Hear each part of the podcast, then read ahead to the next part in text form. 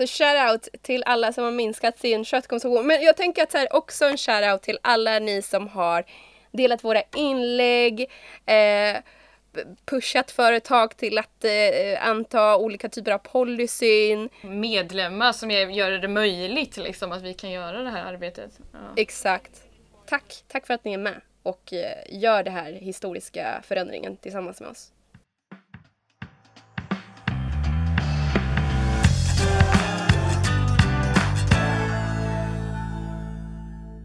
Ibland känns det som att vi kämpar och kämpar för djuren men att vi inte kommer någon vart. Eh, och därför tycker vi att det är viktigt att lyfta allt positivt som är på gång och det första kvartalet av det här året eh, det här fortsatt märkliga året har varit eh, särskilt gynnsamt för djuren och i dagens avsnitt har vi sammanställt en topp 10-lista med första kvartalets bästa nyheter för djuren. Du lyssnar på Djurens Rätt Podcast på Djurens Sida med mig Francesca. Glöm inte att prenumerera på podden så att du inte missar ett enda avsnitt. Eh, med mig för att gå igenom eh, den här listan har jag eh, vår vanliga programledare som idag får visa sina true colors. För hon är ju egentligen vår vegoexpert, Sara Mansouri. Hallå! Hello! Kul att vara här som gäst. ja, exakt. Vända roller nu. Ja. Eh, men sen så har vi också the big boss med oss, eh, Djurens Rätts verksamhetschef Benny Andersson. Nej, men tackar, tackar. Kul att få vara med i den här podden. Ja, jag tänker att vi inte ska ödsla någon tid och eh, ta oss eh, in i den här listan.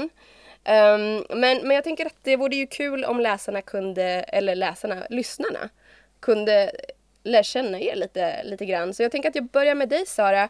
Kan du eh, kort berätta varför du blev engagerad i djurrätt och hur länge du har varit engagerad i frågan?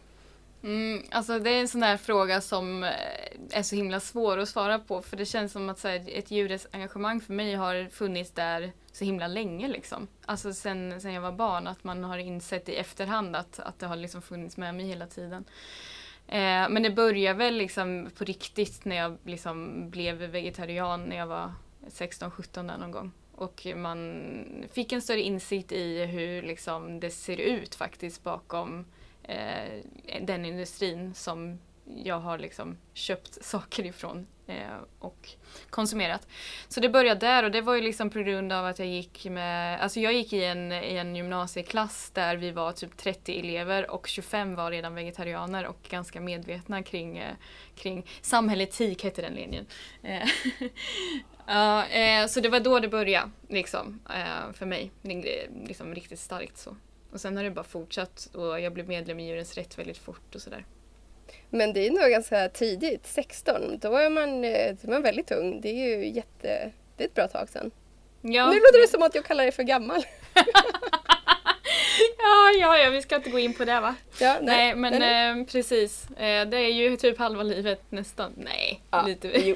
Ja, drygt. Drygt halva livet. Ja.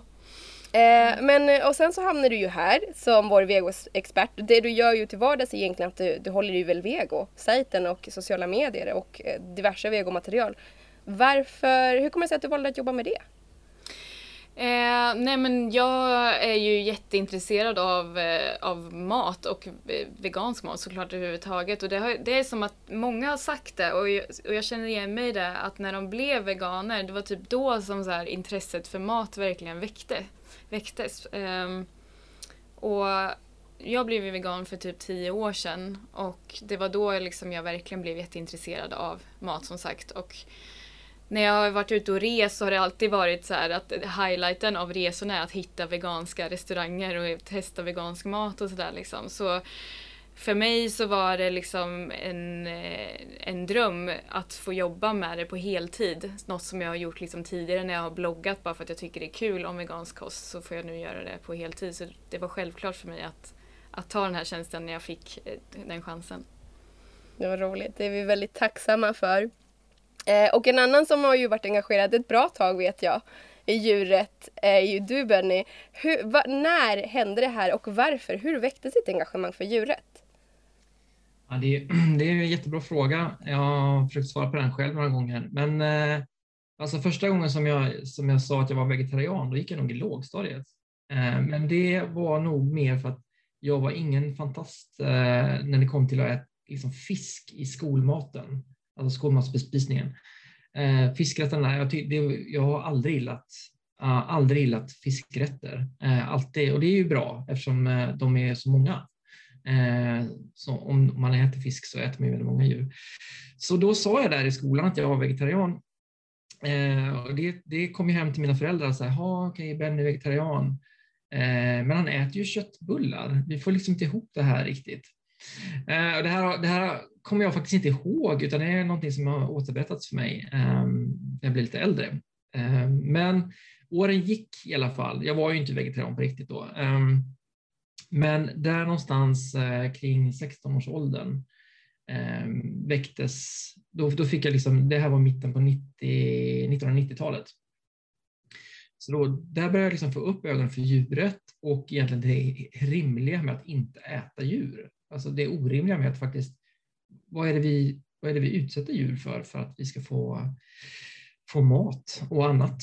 Eh, och där någonstans landar jag i att det är en sån, sån uppenbar orättvisa i liksom hur vårt samhälle, hur vi människor behandlar de andra djuren.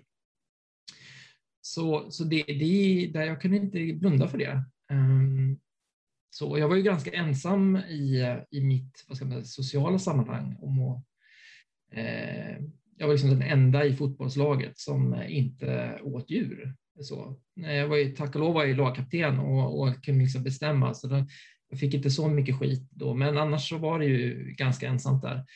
Eh, men jag kom ju ganska snabbt i kontakt med just djurens rätt och eh, blev ideellt engagerad och sen lite senare även anställd. Och på den vägen är det. Ja, men jag gillar ju struktur, jag gillar utveckling, eh, och, men är också otroligt rastlös. Alltså jag har liksom, jag har inte tålamod alltid och då är, det, då är Unicef perfekt för mig.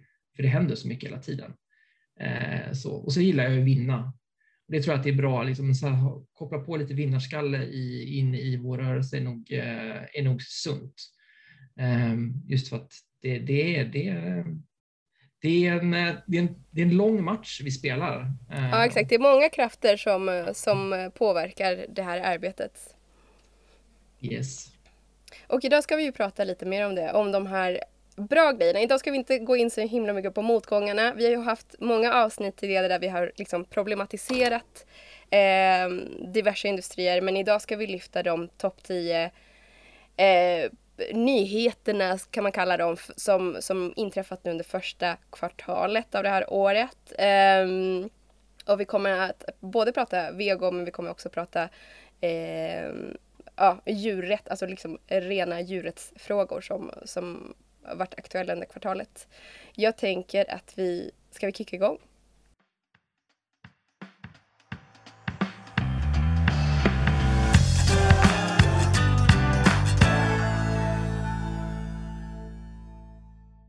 Okej, okay, topp 10. Vi börjar, vi börjar ganska lätt men det här är ändå eh, någonting som eh, påverkar väldigt många. Så på plats nummer 10. En ny vegansk kladdkaka från Frödinge. Det här är ju eh, eh, en underbar nyhet som jag märkte när jag la ut det på våra sociala medier, Velvego sociala medier, att det var ju lika uppskattat av många andra som av mig när man fick se att Frödinge lanserar en vegansk och glutenfri kladdkaka som då ska liksom Ja men vara, jag, alltså, jag har fortfarande inte smakat den här, ska tilläggas. Eh, men den ska vara eh, när den har testats vara lika god eller till och med godare än originalet. Och jag var en av de här som liksom, när jag gick på högstadiet köpte Frödinge kladdkaka till lunch för jag tyckte den var så god. Eh, man tyckte liksom att skolmaten var så tråkig på högstadiet. Eh, nu skulle man ju tycka det var jättelyxigt att få eh, mat varje dag. Men i alla fall. Ehm, det för mig blev det en sån här grej som bara wow det här är, eh, så himla fantastiskt. Och det är ju liksom, alltså Frödingen, det är inte de, de första och förhoppningsvis inte de sista som gör liksom veganska saker av original som redan är väldigt älskade av, av svenska befolkningen.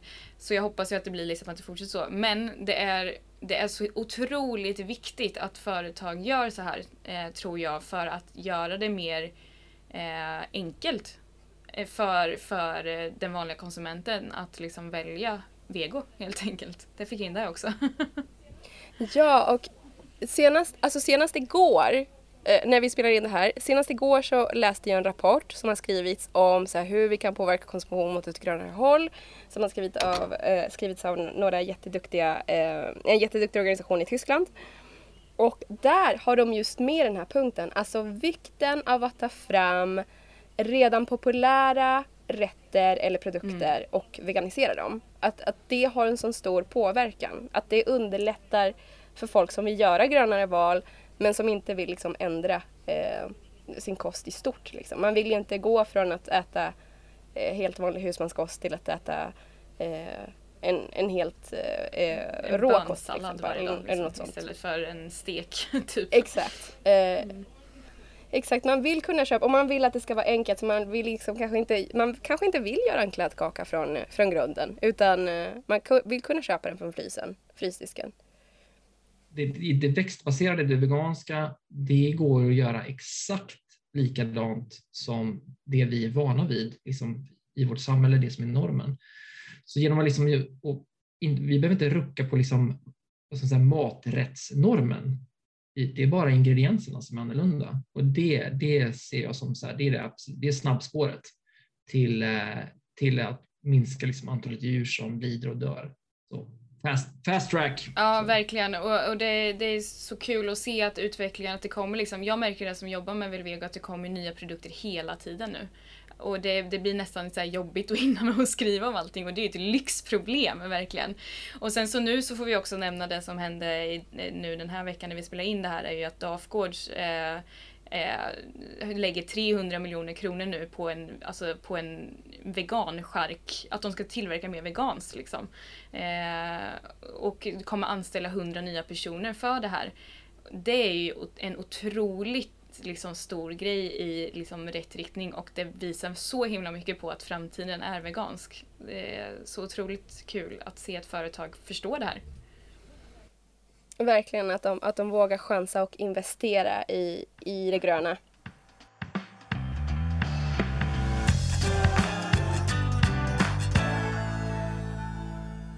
Alright, men vi ska inte fastna här för det har ju hänt betydligt mer och på plats nummer nio att djurförsökskraven släpper delvis i Kina. Vad, vad har ni att säga om det? Ska, du kanske vill förklara vad, vad det innebär? Ja, alltså vi har ju sett liksom en, eh, en global trend som, som visar att eh, det blir färre och färre eh, djurtester på, inom kosmetika. Liksom. Men i Kina så har det verkligen eh, dröjt med, med de här framstegen som vi kanske har sett i resten av världen. Um, och det har varit så att liksom företag som, som säljer sina produkter i Kina har liksom tvingats acceptera att produkterna testas genom djurförsök för att det har varit tvunget att vara så i Kina att för att de ska kunna sälja produkter så måste det vara eh, djurförsökstestat, eller kosmetika då. Eh, och det här har ju också då lett till såklart att då vissa företag, eh, stora kosmetikaföretag har också då valt att gå andra vägen och vägrat att sälja sina produkter i Kina istället.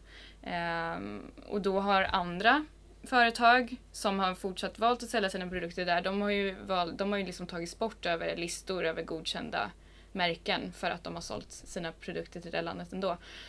Eh, men så nu, det som hände nu i, i början på mars var ju att då äntligen så kom det här största framsteget eh, som de tagit i den här frågan när eh, den ansvariga myndigheten i Kina sa att kraven på djurförsök liksom i princip på all kosmetika och hygienprodukter kommer att tas bort.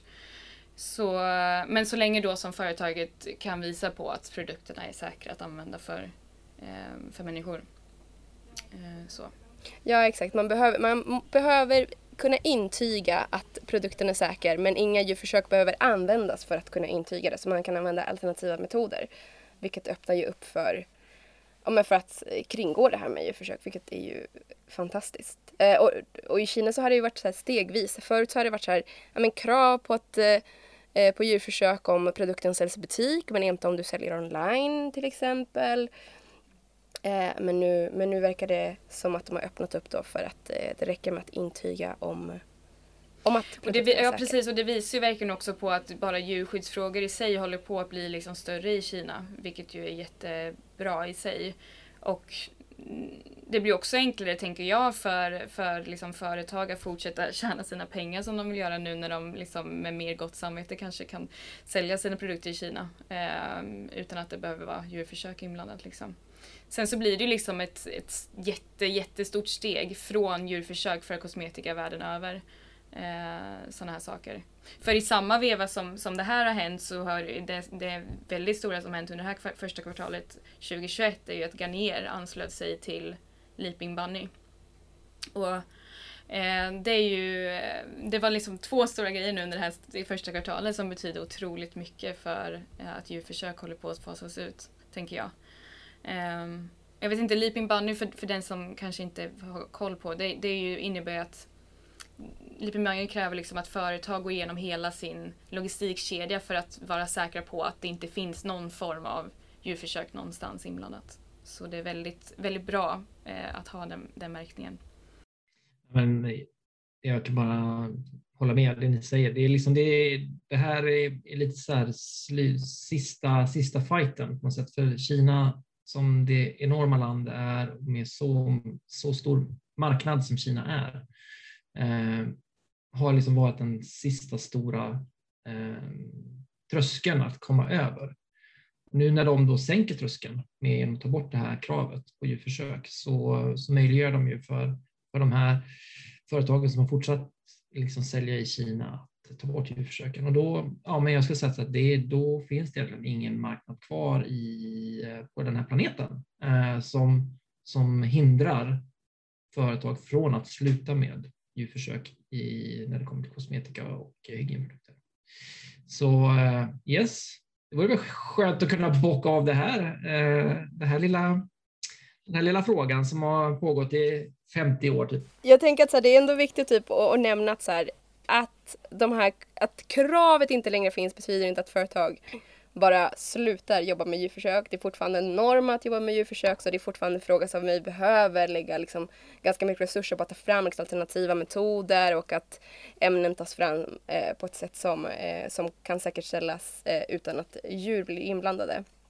Eh, så att hälften vunnet kan man säga. Ja, och det är därför det är väldigt bra som sagt att här, företag som Garnier går in och visar liksom, vägen lite grann, att det går att ta en annan väg också. Eh, och att Exakt. de ingår ju i, jag vet inte för den som inte, ingår ju, de ingår ju i L'Oreal-gruppen som ju är mega gigantiskt liksom.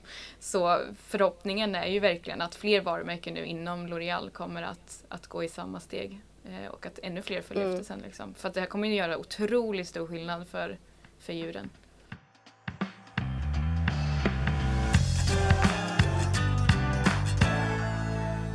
Men vidare till nästa eh, topp eh, åtta är vi på va? Mm. Jag bara mm, eh, ja det är vi. ja, jag är det. 10, 9, 8. Djurens Rätt siktar stort och grundar World Federation of Animals. Benny, vad är detta? Eh, det är ju världsstort, eh, bokstavligen. Eh, nej, men det är så att Djurens Rätt tillsammans med, vi är ungefär ett 20-tal eh, organisationer runt om i världen som, eh, som har gått samman för att bilda en gemensam organisation, en gemensam, ett gemensamt paraply för att, för att föra upp eh, djurrätts och djurskyddsfrågor på en eh, global nivå. Eh, och det, det är det, den nivån där våra frågor hittills inte har fått så mycket plats. Och då pratar vi, vi pratar, för att göra det enkelt så, men tänk FN-nivå. Alltså det finns massor med olika eh, FN-sammanhang ja, eh, som, eh, där djurfrågorna måste in. Ehm, och det är ju både hållbarhet och liksom food system. Det är en, United Nations Food System Summit i höst som är jätteviktig. Ehm, just där man diskuterar de här globala, globala frågorna. Så här, där måste vi få in djurperspektivet. Ja, exakt. Som en, som en så standard hållbarhetsaspekt. Absolut. Ja, men det, det, det, och det, vi ser ju den utvecklingen och det liksom att fler och fler förstår att eh, vi kan liksom inte prata eller jobba med hållbarhetsfrågor men inte ta in eh, djurperspektivet. Alltså djurskydd och djurvälfärd och djurs rättigheter. Eh, det, kan inte, det kan inte frikopplas från övriga hållbarhetsfrågor. Och vi, det finns en, en liksom snabbt överslag i att det finns ungefär omkring 10 000 alltså djurorganisationer eh, i världen eh, som liksom är ja, som, som skulle liksom kunna dra nytta av ett sånt här nätverk. Så. Jag tänker att det här är så viktigt för att eh, jag tror att många som, som lyssnar tänker jag kanske känner till de, eh, eh, eh, de miljömålen som, som finns. Eh, framtagna av FN om inte jag misstar mig. Mm. Och eh, de globala målen, så det, det är det de går eh, under det namnet. Um, och det hade ju varit, i, den så, i dem så finns det ju ingenting som är kopplat till, eh, eller som, det är ju kopplat till, till djurrätt och djurskydd men det, är, det finns inga så rena djurskyddsmål. eh, och det hade ju varit superintressant att få. Eh, som du nämnde Benny så är det ju otroligt många människor. Alltså folk bryr sig om de här frågorna. Det känns som alltid så här, som att man vill förminska det så här, men det är bara djur. Nej men alltså folk bryr sig jättemycket om de här sakerna.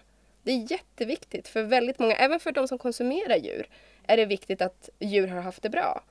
Uh, så det är otroligt viktigt att vi, att vi är med och bidrar och uh, driver det här i, i en global arena. Det ska bli så spännande att se vad det här kan leda till.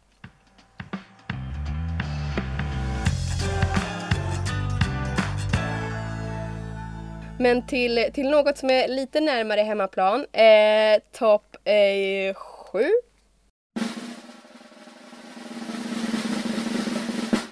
vegansk mjukglass från Naturlig. Oh my god, säger jag bara. Oh my god, OMG. var min första reaktion när jag bara hörde vegansk mjukglass. Man har ju sett vegansk mjukglass på lite olika ställen och jag testade någon här i Stockholm som jag bara var jättetaggad på och sen så när jag smakade den så var den bara nej, inte alls inte mjukglass. särskilt bra. Nej, det var inte mjukglass, det var sorbet och jag, om man känner mig så vet man att vad jag tycker om sorbet och det är usch. För att jag tror att jag har någon sån här grej att Eh, när du är vegan och går på restaurang så är den enda efterrätten som finns oftast, eh, då om det inte är en mer veganvänlig restaurang, det är en sorbet. Eh, så jag vet inte om det är en sån grej som har gjort att jag, att jag bara hatar sorbet. Jag vågar säga hatar. Jag vet. Eh, men eh, i alla fall. Så nu så eh, när jag fick den här nyheten från Naturlig om att de ska börja med vegansk mjukglass så fick jag mitt, mitt glasshopp eh, upp igen. Eh, eller mjukglasshopp, det finns ju mycket god glass. För det, det ska undersökas att idag finns det ju hur mycket god veganglass som helst. Det är därför jag blir arg på den här sorbeten, för att det finns så mycket. Det, vi har liksom Lilly och Hanna som gör supergod så här raw eh, glass. Eh, vi har tre vänner som gör eh, glass och pinnglassar veganska, det gör ju Lilly och Hannas också. Eh, Lejonet Björnen, alltså det är så många företag som gör riktigt krämigt goda glassar. Men som sagt, vegansk mjukglass känns som att det har halkat efter lite. Eh, vilket kanske inte är så konstigt för det säljs ju oftast inte så här kanske på eh, låda liksom. Men ehm, nu kommer ju eh, Soft and Ice som den här eh, mjukglassen heter. Eh, och det som ska understrykas här att det är, det är inte för en konsument, alltså enskilda konsumenter att gå och köpa bara så här nu, det går inte. Så vitt jag vet. Eh, utan eh, Naturligt försöker just nu att sälja, för de säljer på sådana här ja, men typ i förpackningar så att man kan hälla i det i sådana mjukglassmaskiner. Alla som jobbar på kiosk någon gång vet exakt hur det går till, eh, inklusive jag. Att man bara häller i i en mjukglassmaskin och sen kommer det ut eh, mjukglass. Liksom. Så de är till för mjukglassmaskiner. Eh, men den ska liksom vara eh, riktigt så här, ha en krämig textur och den är baserad på ris med lite smak av så vanilj som, som mjukglass brukar ha. Och eh, så nu så är naturligt på jakt då efter kiosker och eh, kaféer och sånt som vill tänka sig att sälja den här glassen. Så jag tänker om man har ett favoritcafé där man vet att det finns en mjukglassmaskin så tycker jag att man kan gå dit och, och kanske säga att den här finns. För det är kanske inte många som vet den. Ja, shoutout till mm. konsumentmakt. Eh, påverka era lokala kiosker nu. det funkar att tjata. Ja, definitivt. Ja, jag ser verkligen fram emot det här så jag hoppas jag ska tjata på min eh, lokala butik. Det ska bli så himla... Jag hoppas verkligen att det kommer liksom någonting i närheten där jag bor Eh, så att man kan liksom så springa. Det är, som, det är en så mysig tanke av att så bara kunna spontant köpa mjukglass eh, Ja. en varm sommardag när man är ute och promenerar. Ja, Och det är ju så gott med mjukglass. Alltså jag jobbade i kiosk i några somrar när jag pluggade och var vegan och när jag fick göra glass åt andra. Vet ni hur jobbigt det var? det så här, Åh, jag kan, kommer aldrig kunna äta det här själv. ja, det var, det var smärta i ren form den, Åh. eh, de somrarna kan jag säga. nu, nu får du revansch Sara. Ja, verkligen. Jag ser fram du emot får gå det. ut på Ebay och köpa dig en mjukglassmaskin. Typ, så att för hem, hemma Jag tror faktiskt att det, det får bli så. Nej, men det, det är ju, eh, jag ser fram emot det. Jag gillar ju som sagt, eh, jag, jag gillar inte bara halvfabrikat, jag älskar också glass. Eh, och eh, ja, men, eh, kunna köpa mjukglass från en kiosk nära där jag bor, det hade ju varit något det. Eh, mm, så vi får, vi får se. Får väl eh, koppla på skärmen här eh, snacka med, med Glenn på kiosken. Så. Mm. Glenn i Göteborg också. Glenn i Göteborg. Ja men eh, bra, bra Jag grejer. vet inte om han heter Glenn. Alltså, det, det, det kändes rimligt. Så. Chansen är ju 50-50 ungefär.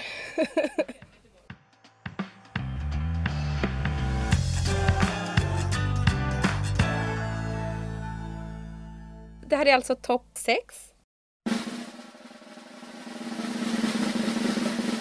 Och det kan ju låta ganska negativt men det är alla skandaler som har uppdagat sig under eh, början av det här året. Inte minst kravskandalen. Eh, men jag tänker att den här har ju en, en positiv eh, påverkan. Vad, va, vad tror ni? Ja, men absolut. Eh, nej, men det är så här. Det, är- och det, är- jag, jag, jag tänkte på det igår faktiskt. Eh, inte för att vi skulle spela in eh, podd idag, utan jag, tänkte, för jag, jag kollade på det var något på Youtube jag kollade på och då kom ju Arla, Arlas reklam upp, den som de har kört egentligen nonstop sen, när då? Jo, sen Uppdrag granskning och eh, uppmärksamheten kring, kring eh, liksom, ja, hållningen av, av eh, kor i mjölkindustrin. Eh, och det, det är ju ett tecken på, vi, vi ser den datan som kommer ut i olika så branschtidningar, så att förtroendet har ju gått ner jättemycket för, för liksom, vad ska man säga, svensk djurindustri. Och det är det som sker varje gång det, liksom, varje gång det lyfts upp till ytan och kommer ut, eh, så är det ju, det är ju bad news för djurindustrin och good news för djuren. Därför att fler människor ser så här, men vänta, är det så här det går till? Det här är ju inte det som, som är i reklam, reklamfilmen, om vi nu nämner dem. nu nämner jag explicit Arlas Det goda kolivet, eller Det nya kolivet, som ju är, det är ju liksom en hit, det är ju en hittepågrej om, man, om vi ser till att de samtidigt, parallellt med det här, jobbar för att stänga in alla kor. Alltså att få bort lagkrav om utevistelse och så. Så det är ju liksom en helt, det är ju som en sån här Kafka-bok. Liksom. Det är så här bisarr, så här, ni, med ena handen så visar ni fina bilder, med andra handen vill ni liksom stänga in korna. Så därför är det så, så bra och så viktigt att eh, fler får se de här, liksom, när, vi säger, när vi säger skandaler, så är det ju egentligen så här, eller när, när det pratas om skandaler, så är det egentligen så här, det här är verkligheten som pågår 365 dagar om året runt om i Sverige, runt om i världen, som någon gång kommer ut. Exakt, som någon gång uppmärksammas i offentligheten. Men det är ju inte bara kravskandalen. Alltså, jag, jag kikar igenom eh, lite så här annat som har hänt. Alltså, dels så är det superaktuellt just nu de här 200 000 djur som är fast i fartyget på i Suezkanalen. Det har liksom uppmärksammat det här med eh, transport med levande djur. Eh, sjukt problematiskt. Inte första gången det här händer.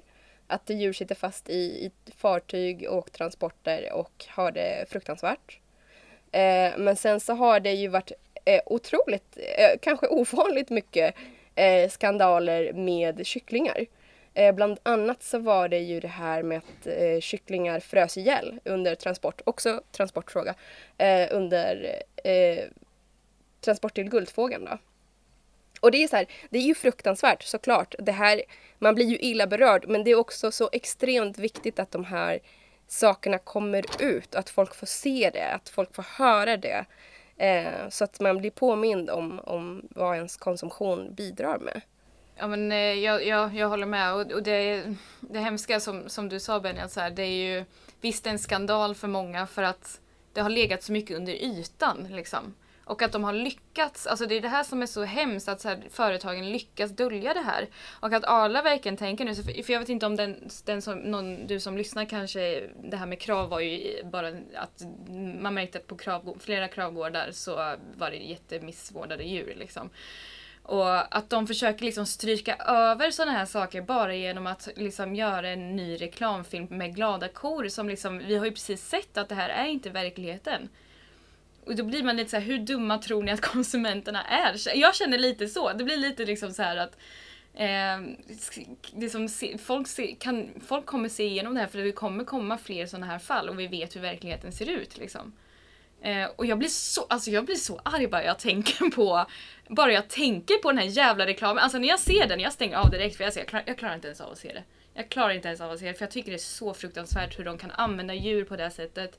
Både i en reklamfilm och sen så hur, hur de tillåter liksom sådana här saker att ske. Det är fruktansvärt. Huh, rant over, känner jag. Rant over. Ja, men bra med rants ibland. Men, men det, och det, är det, som, det är det jag tänker så att det som är positivt med det här är att det blir lite rants. Uh, för det, det, om vi ska liksom säga om vi ska koppla till varför det här är en positiv grej, så är det just det att det är, så här, men det är inte alltid dåligt att blodtrycket går upp.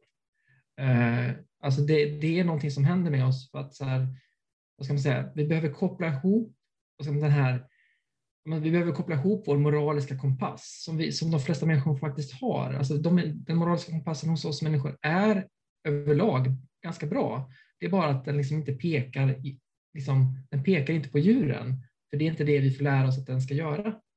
Vi får lära oss att, så att det är, allting är bra, så ni behöver inte titta åt det här hållet. Eh, så, så bara, Sverige är världens bästa land, eh, köp eh, blågult liksom. Eh, så är allting bra så, men det, det, är just det så att, att mm, det sätter liksom fingret på att, så här, vänta nu, eh, jag trodde att det var Danmark som var dåligt och Sverige var bra. Och, man bara, och, då, och så kan man liksom titta då på kycklingindustrin då, liksom så här, som du nämner Francesca. Alltså bara, det är fler kycklingar som, som, får lov som kan gå utomhus till exempel i Danmark än i Sverige. Alltså vi ligger i topp tre mest industrialiserade kycklingproduktionen i EU.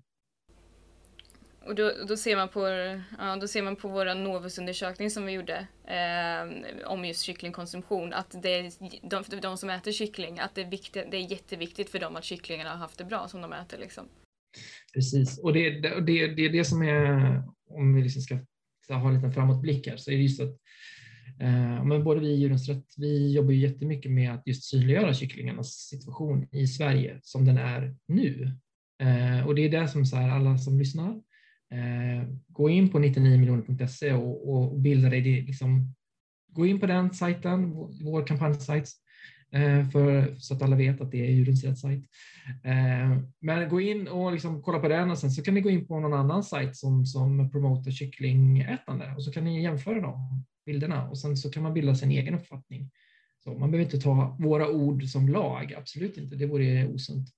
Eh, men bilda sin egen uppfattning om hur det faktiskt ser ut. Det är det jag tror som är den stora, stora vinsten med de här så att säga, skandalerna. Att folk, folk skaffar sin egen uppfattning istället för att bara liksom passivt eh, göra reklambilderna till sin eh, verklighet.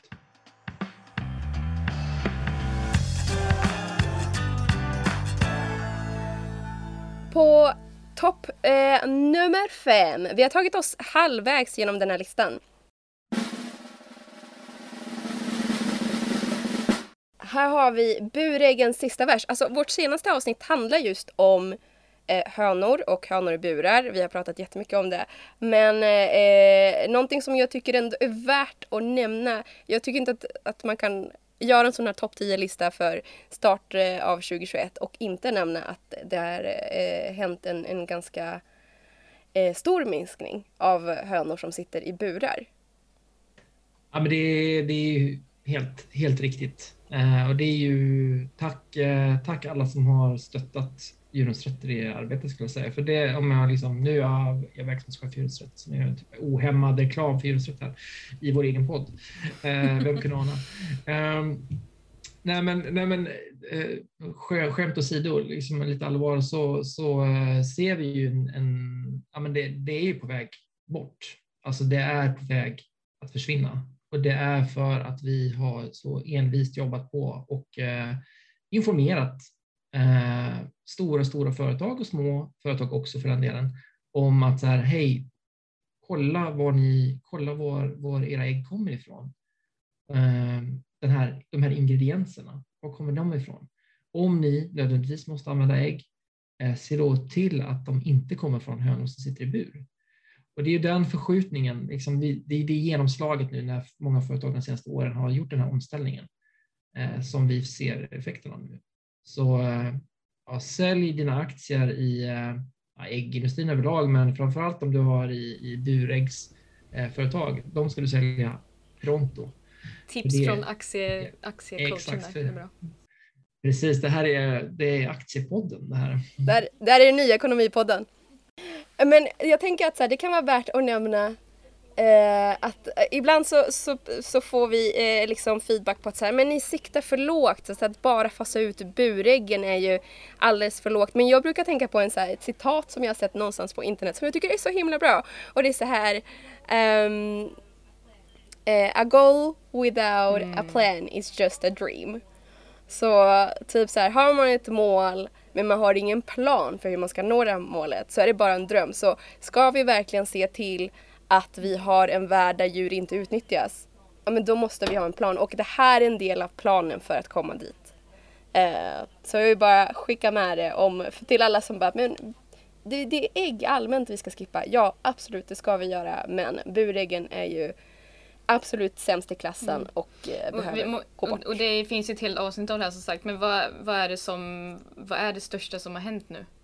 Det är ju att vi ligger, eh, i slutet av 2020 så lägger vi på 6 procent eh, och det är mycket troligt att det här blir alltså, peppar peppar, sista året vi behöver ens prata om den här frågan. Chills, jag får rysningar.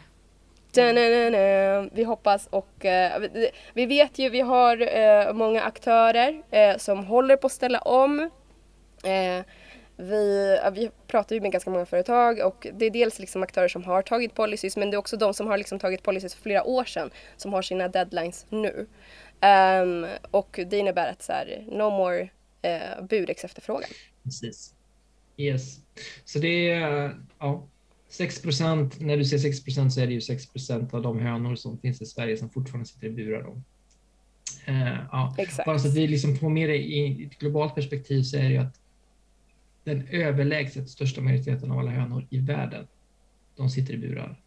Alltså typ så här, det, det, ser liksom, det är inte ratio 94-6 i, i resten av världen. Alltså tar vi EU i stort så är det 50-50 och vi i EU är liksom längst fram i hela världen med den här liksom förändringen. Så, så det är också viktigt att ha med att, att det, det jobbet vi gör här med vad ska man säga, företag i väst och i liksom Västeuropa, Centraleuropa får ju påverkan liksom i eh, Asien eh, där de också har liksom verksamheter. Så det är inte bara, bara hönorna i Sverige som, som får det bättre utan det är ju hönorna i Kina där det finns flest hönor. Det är i Kina som liksom finns absolut flest hönor i världen. Eh, allt, allt är mest i Kina, liksom. mest människor, mest hönor, mest allting. Eh, mest av allt. Yes. Så det, det, det är också en del av planen som du nämner, eh, Francesca. Så, så vi, det är inte bara liksom stirra på, på liksom ägg, ägg eh, eller hönsfarmen i, eh, någonstans på Västgötaslätten, utan det, det är även de stora, stora liksom fabrikerna som är liksom i flera våningar som finns i Kina.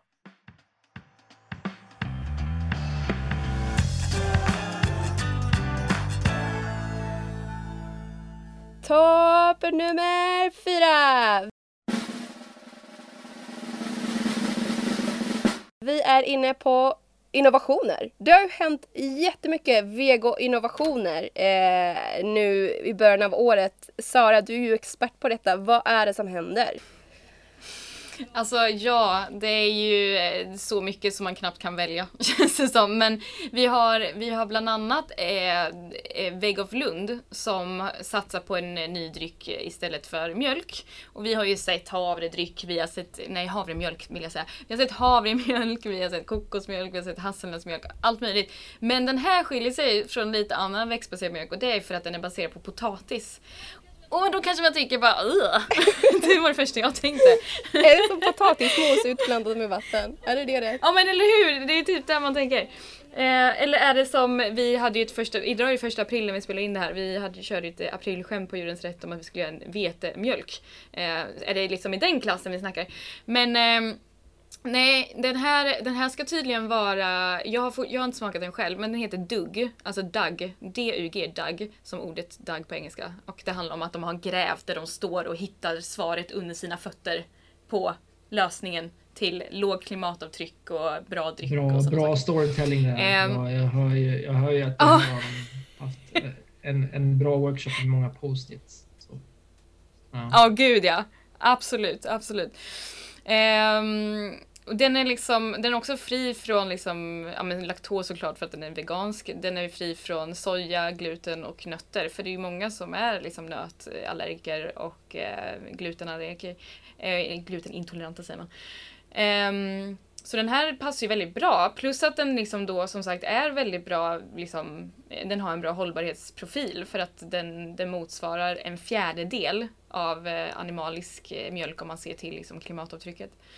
Um, för att den har också väldigt låg vattenförbrukning och sådär. Så det är coolt. Och att liksom den är, vi har potatis i Sverige. Så det är klart, det är ju jättesmart att använda sig av, av det. Liksom. Dessutom så kommer den på tre olika sätt. Den, du kan ha en, det kommer finnas en kaffe, i kaffegrej, eh, en osötad och en original. Eh, Så det ska bli väldigt spännande att se om, den, om det är rinnande potatismos eller om det är jättegott. jag tror inte det. Förvisso det så älskar jag det- potatismos. så Jag vet inte, det kanske Exakt. skulle funka. Plus- Plus ett där på, på Francesca. Jag, jag älskar potatismos. Så att eh, bara tänk, tänk en sån här potatismos milkshake. kanske vore Alltså det det, faktiskt. det, det, kanske är, det kanske är supergott eller så är det sjukt äckligt. Va- Men, eh, men, med en sojakorv i istället för sugrör liksom. eh, exakt, exakt. Ja men där har vi det. Det låter ju... Ja. Har vi den? Det här med så här, eh, snabba meals har ju blivit en grej så det här är kanske, det här är kanske Exakt. nästa nivå. Det, här är, det här är liksom innovationspodden Mm. numera. Mm. Borde bli det i alla fall. Men det, det, är ju, det är ju inte det enda som har kommit det här kvartalet eh, faktiskt. För som sagt, det kommer nya saker hela tiden. Men en annan ascool sak som jag vill nämna är ju eh, en, en, ett nytt protein som heter Promyk. Jag tror att det uttalas så.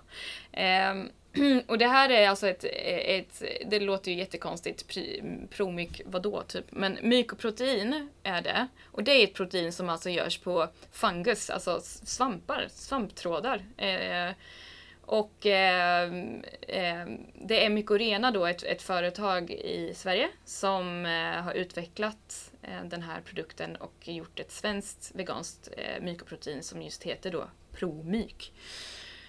Och som det görs, det är lite liknande om man vet hur öl tillverkas. Alltså det går igenom en, eh, det produceras genom en fermentationsprocess liksom. Så det som händer är att efteråt när man har gjort den här fermentationsprocessen så samlas det massa biomassa som redan är liksom naturlig på fibrer eh, och, nä- och näring också förstås. Och den här biomassan liksom processas bara lite grann och sen så testas den för att liksom försäkra att den är god och hälsosam och sådär. Så i jämförelse tydligen med, med andra eh, växtbaserade produkter gjord på till exempel soja så ska den här vara mindre processat. Eh, för det är många som oroar sig över det ju när man ska köpa liksom, eh, andra eh, vegoprodukter, att det är så processat och sådana saker. Sen, sen så, Mm, ja, Att det är för hårt processat. precis. Så jag har sett bilder på hur det här eh, ser ut och det kommer ju komma i flera olika former. Just nu säljs det inte på marknaden. Eh, men eh, jag vet att det finns vissa samarbeten som är på G med företag för att de ska kunna få ut liksom i butik och sånt. Men det, alltså jag såg en bild på det här Promix som ser ut precis som ett kycklingbröst. Alltså det, det, det, var så likt, eh, i alla fall på bilden.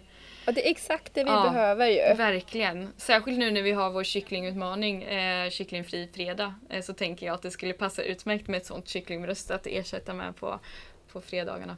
Om man, eh, om man gillar kyckling. Ehm, Det ska bli så spännande att både få testa dessa produkter och se, dem, eh, se mottagandet. Eh, Det är ju alltid så spännande med innovationsprodukter för att man vet aldrig om konsumenter är redo. Eh, men, men jag tänker så här, ser det ut som en kycklingfilé då, då är nog konsumenter redo verkligen. faktiskt.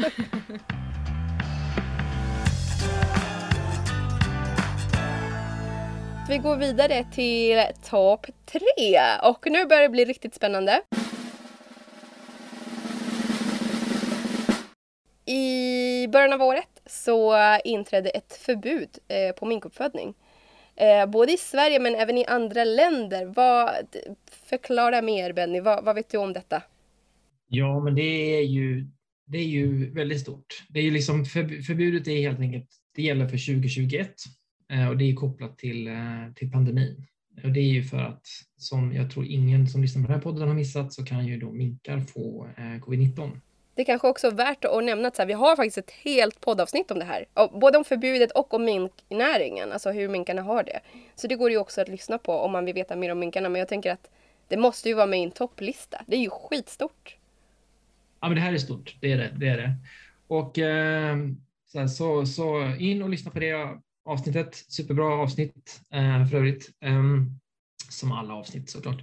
Men, eh, men eh, det är ju ja, men så vår bedömning är ju att det här är ju liksom ett, ett superviktigt första steg mot en eh, fullständig avveckling.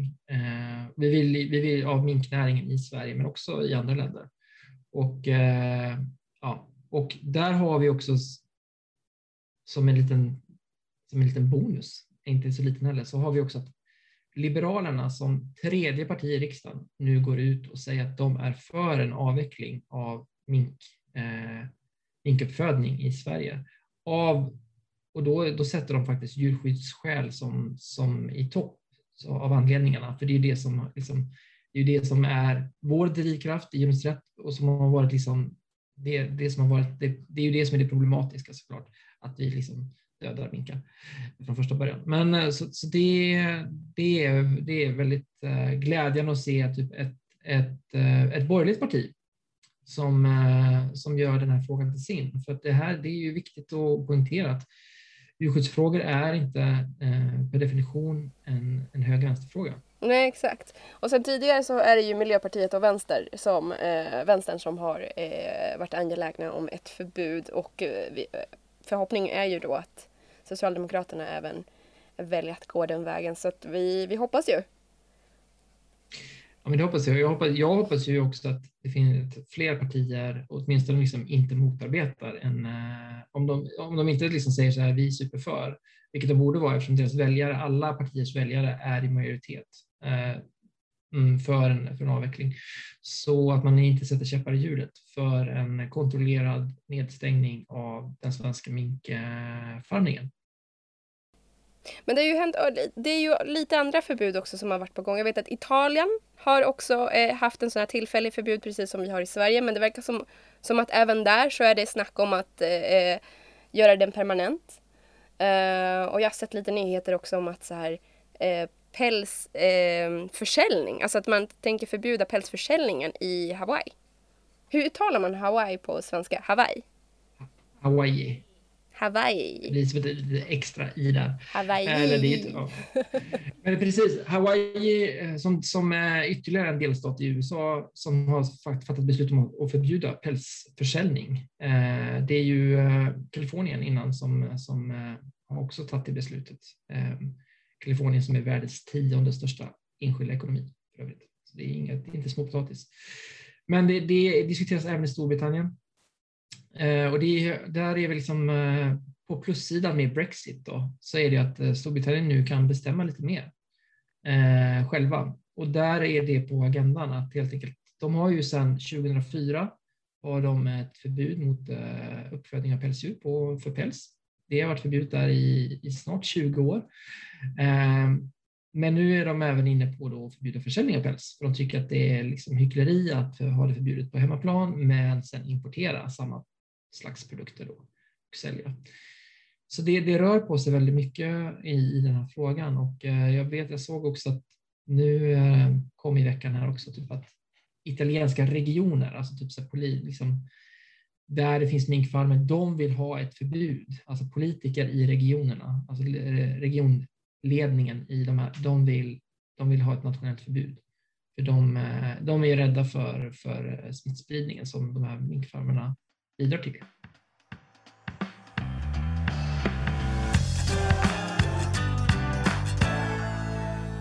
På plats nummer två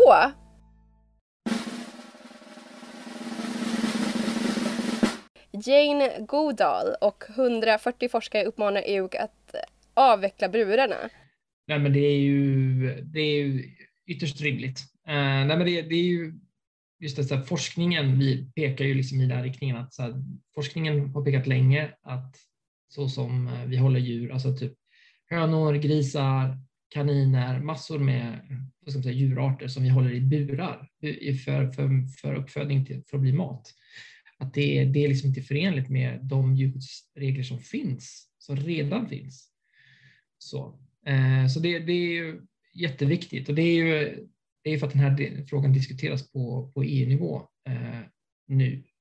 Och det är ju någonting som vi också har jobbat jättemycket med att föra upp den. Så om några veckor efter det här sänds, eh, det här avsnittet, så eh, kommer det komma eh, är det en debatt i Europaparlamentet om just burar och djurhållning.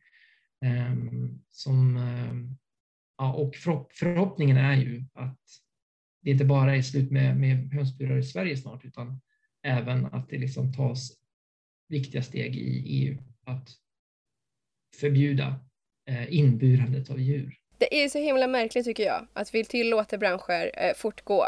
Alltså när forskare har varit eniga i årtal om att det här eh, inte alls är, alltså det är djurplågeri, att vi kan inte hålla djur på det här sättet, att de, de lider av att vara inlåsta i burar.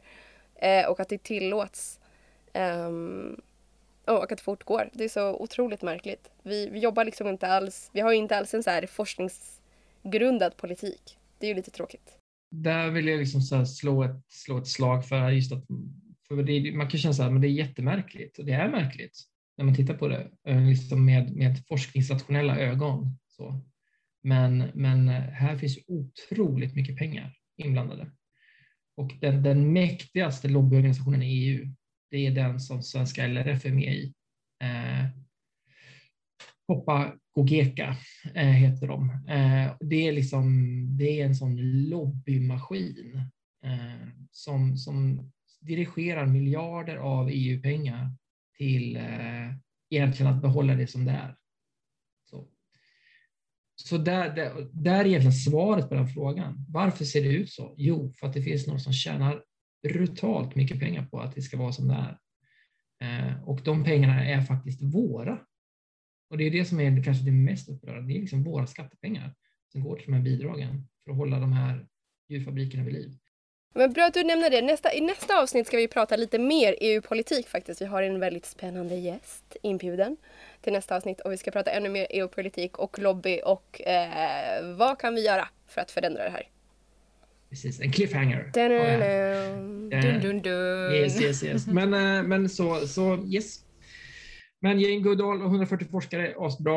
Eh, men eh, vi behöver göra mer. Så du som lyssnar, håll utkik efter saker du kan hjälpa till med på en sajt nära, nära oss. Till exempel djurensrätt.se. Kika in där. finns alltid bra grejer att göra.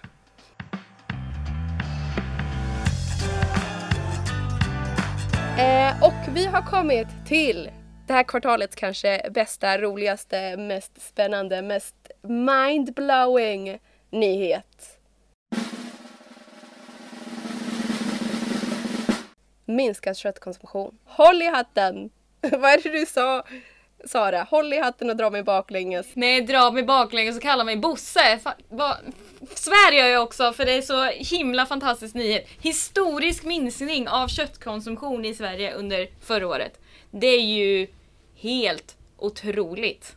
Alltså det är miljontals individer vi pratar om som påverkas av, av att köttkonsumtionen minskar så här mycket.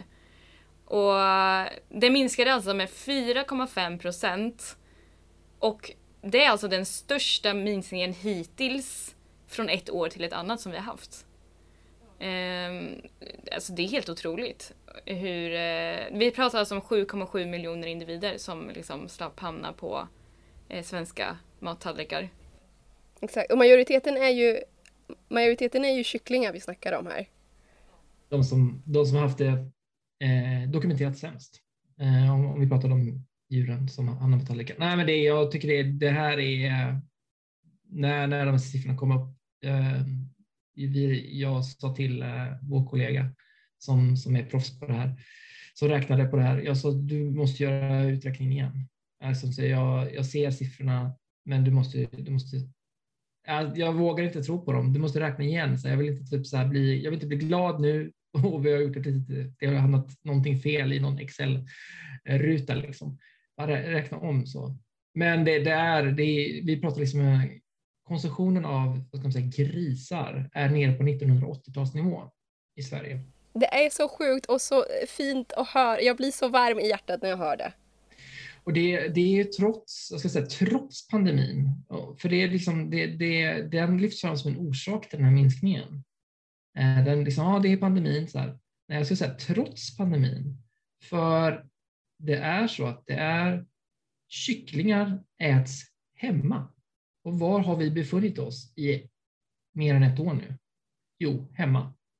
Det är liksom, så, så liksom, kycklingrätter ligger topp ett och topp två på olika mat. Vad, vad äter vi mest av hemma?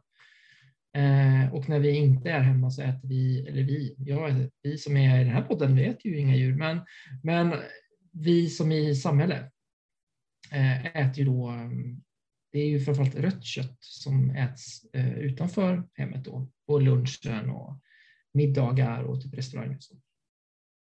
Eh, så det, det, det är trots pandemin har minskningen skett, skulle jag säga. Det är inte det som lyfts fram som en orsak, men eh, jag skulle säga så att det är i alla fall min bedömning. Så det är så jävla gött! Men verkligen. ja, verkligen. och det kan man säga, alltså, jag vill bara inflika det också att eh, vi vill ju förstås att den här liksom, minskningen ska fortsätta minska.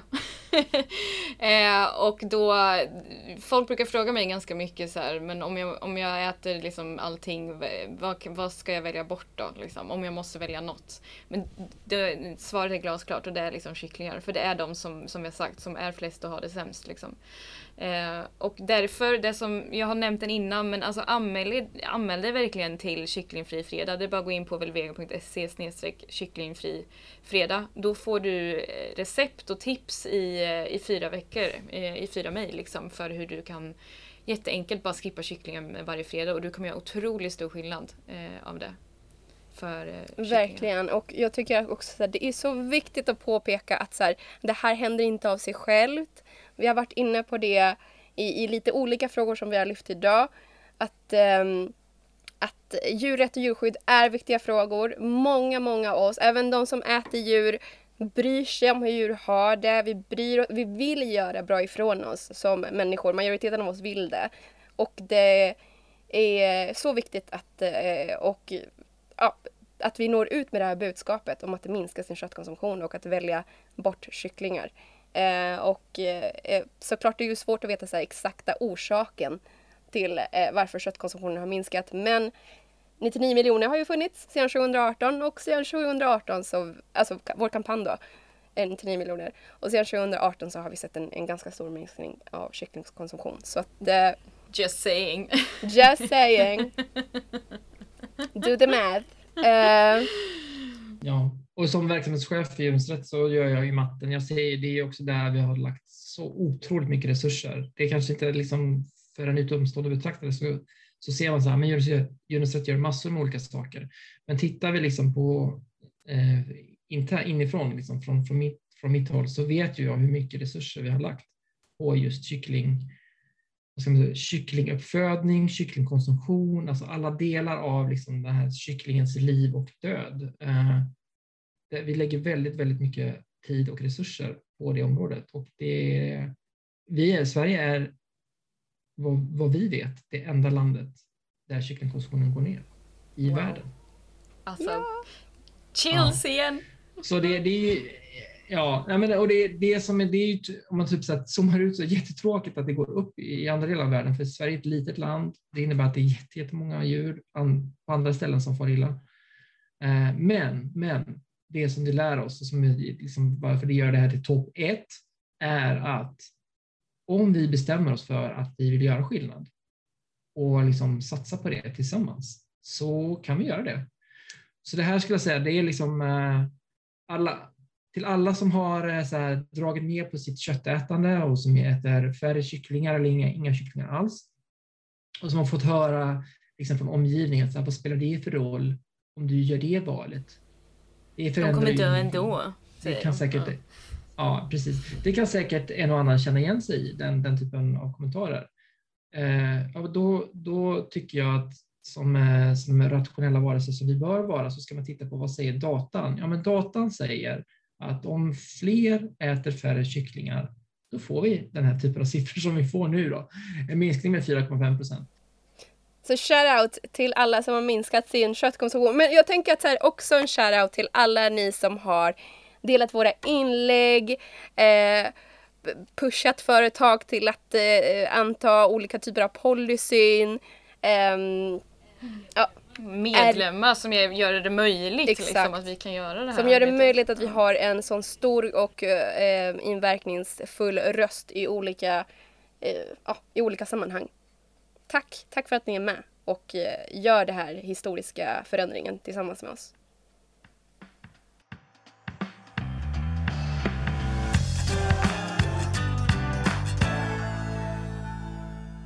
Det var det. Ja, det var bara kvartal ett. Det låter som vi har pratat om ett helt år nästan. Men... Nu siktar vi in oss på, på kvartal två. Vad, vad händer då? Ingen vet. Så spännande.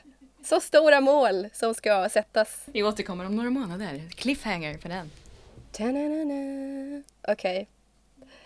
Um, ja, men tack uh, Benny för att du var med och gav din input och din synvinkel på alla de här topp 10 nyheter. Och tack Sara för all din vegokunskap och kunskap om de här fantastiska innovationer och produkter som når oss konsumenter. Uh, och tack dig som lyssnar och uh, dig som är medlem hos Djurens Rätt. Eh, tillsammans gör vi verkligen skillnad.